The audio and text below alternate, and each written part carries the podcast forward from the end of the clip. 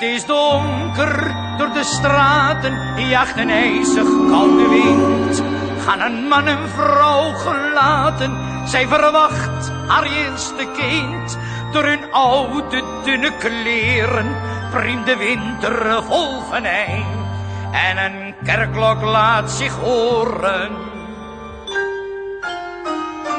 Het zal spoedig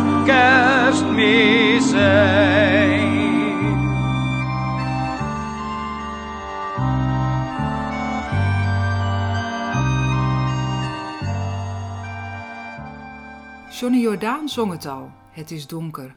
Dat was het in zijn tijd, toen de Jordaan nog een volksbuurt was, met veel armoede, waar het hard werken was om te overleven. Dat is het in onze tijd ook, nu corona de samenleving ontwricht, polariseert, velen op hun tenen lopen, zich zorgen maken of eenzaam voelen. Maar, zo zingt hij, het zal spoedig kerstmis zijn. Het is advent, we leven toe naar kerst. Tijdens deze periode maken we elke week één uitzending. We steken één voor één vier kaarsen aan, als tekenen van hoop in de duisternis. Daarbij lezen we een stukje uit het Bijbelboek Lucas, die ons stapje voor stapje meeneemt richting de geboorte van Jezus.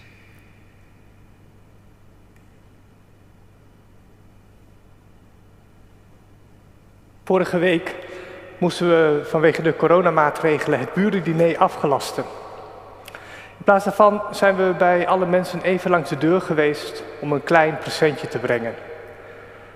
Tijdens die ontmoetingen raakte mij het verdriet van een vrouw.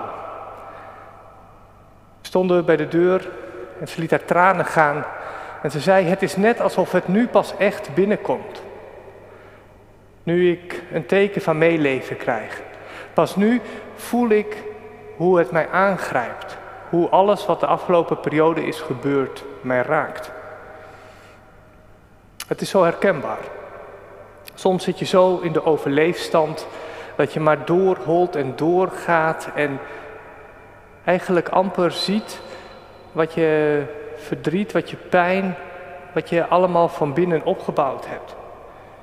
En pas als er dan een lichtpuntje, één zo'n kaarsje aangaat in de duisternis, pas dan komt het binnen.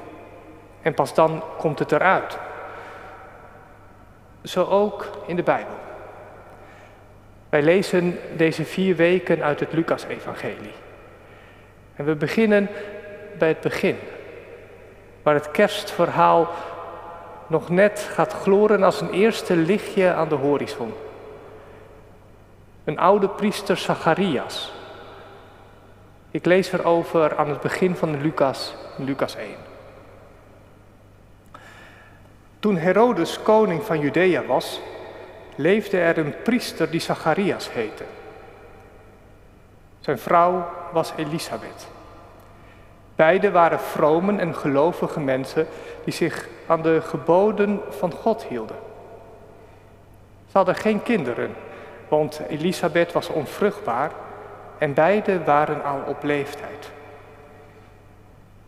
Toen Zacharias zijn werk deed in de tempel en daar het offer bracht, verscheen hem een engel van de Heer, die aan de rechterkant van het altaar stond.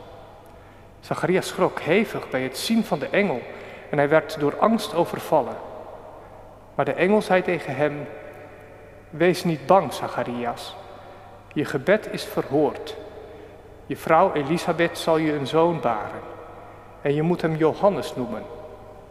Vreugde en blijdschap zullen je ten deel vallen en velen zullen zich over zijn geboorte verheugen. Je ziet ze zo voor je. Een oude man, een oude vrouw. Beide verlangden ze naar een kind. Ze hebben er ook samen intens voor gebeden. Maar hun gebed was niet verhoord. En inmiddels kon het niet meer. Te oud. En daarom stoppen ze hun dromen weg. Hun hoop, hun verlangens worden diep van binnen verborgen. Zo begint het kerstverhaal. Het begint met hoop die geen werkelijkheid wordt. Met verdriet die niet iets van vreugde krijgt. Het begint met gebrokenheid, met duisternis. Zoals ook velen vandaag de dag de gebrokenheid ervaren. En soms staan er misschien wel dromers op, mensen met idealen, met wensen voor een betere wereld. En misschien ben je zelf ook wel een dromer of heb je ooit prachtige ideeën en verlangens gehad. Maar zijn je hoop is geen werkelijkheid geworden. Als een luchtkasteel is het voorbij. En nu ben je gestopt met hopen.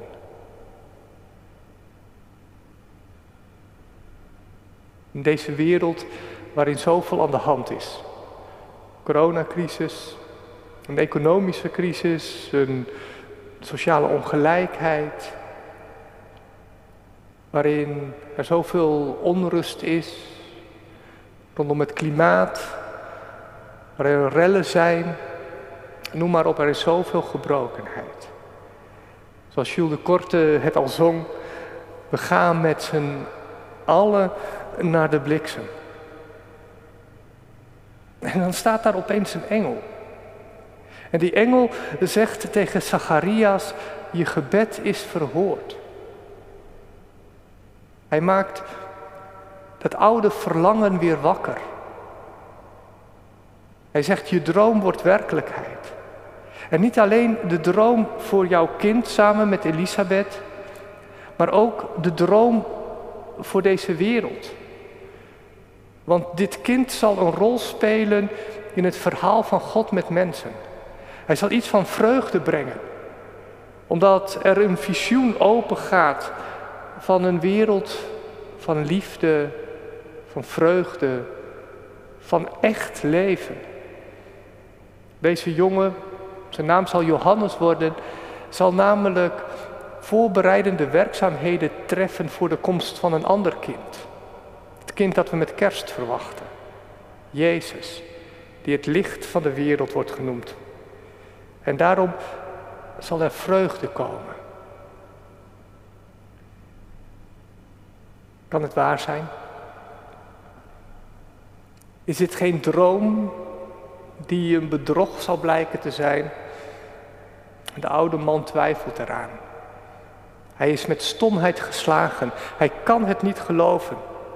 Dit is toch niet te bevatten. Dat dat verlangen wat hij zo diep had weggestopt, dat dat nog eens werkelijkheid zou kunnen worden.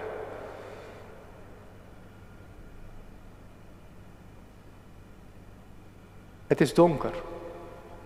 En er gloort een klein beetje licht aan de horizon. Maar als je al zo lang in het donker leeft, dan kan een klein beetje licht pijn doen aan je ogen. En misschien herken je dat wel. Dat wanneer iets van jouw hoop en verlangen wat je diep had weggestopt, dat dat wakker wordt geschud, dat het eerst begint met pijn, met verdriet. En aan het begin van deze vier weken waarin wij naar kerst toeleven, is er ruimte voor dat verdriet, voor die pijn, voor die sprakeloosheid. Het mag er zijn. Want ieder van ons gaat op een andere manier om met teleurstelling, met angst en verdriet. Er is tijd voor ruimte en plek voor angst en teleurstelling. En ik hoop dat in die ruimte ook jij iets van die engel hoort. Je gebed is verhoord.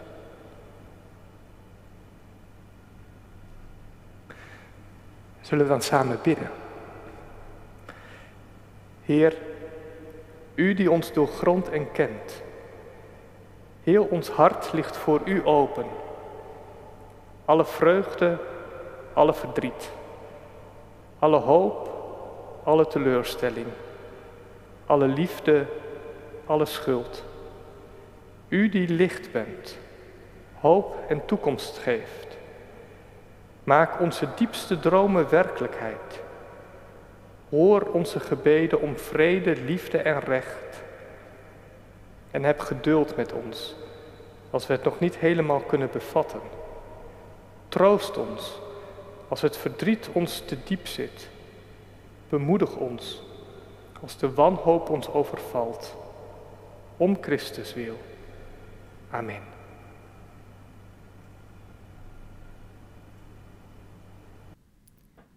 Je keek naar Advent in de Jordaan vanuit de Noorderkerk. Wil je hierover doorpraten of heb je in deze tijd behoefte aan een luisterend oor of aan een gebed? Neem dan contact op met onze buurdominee, Dick Wolters. We bidden je van harte Gods zegen toe.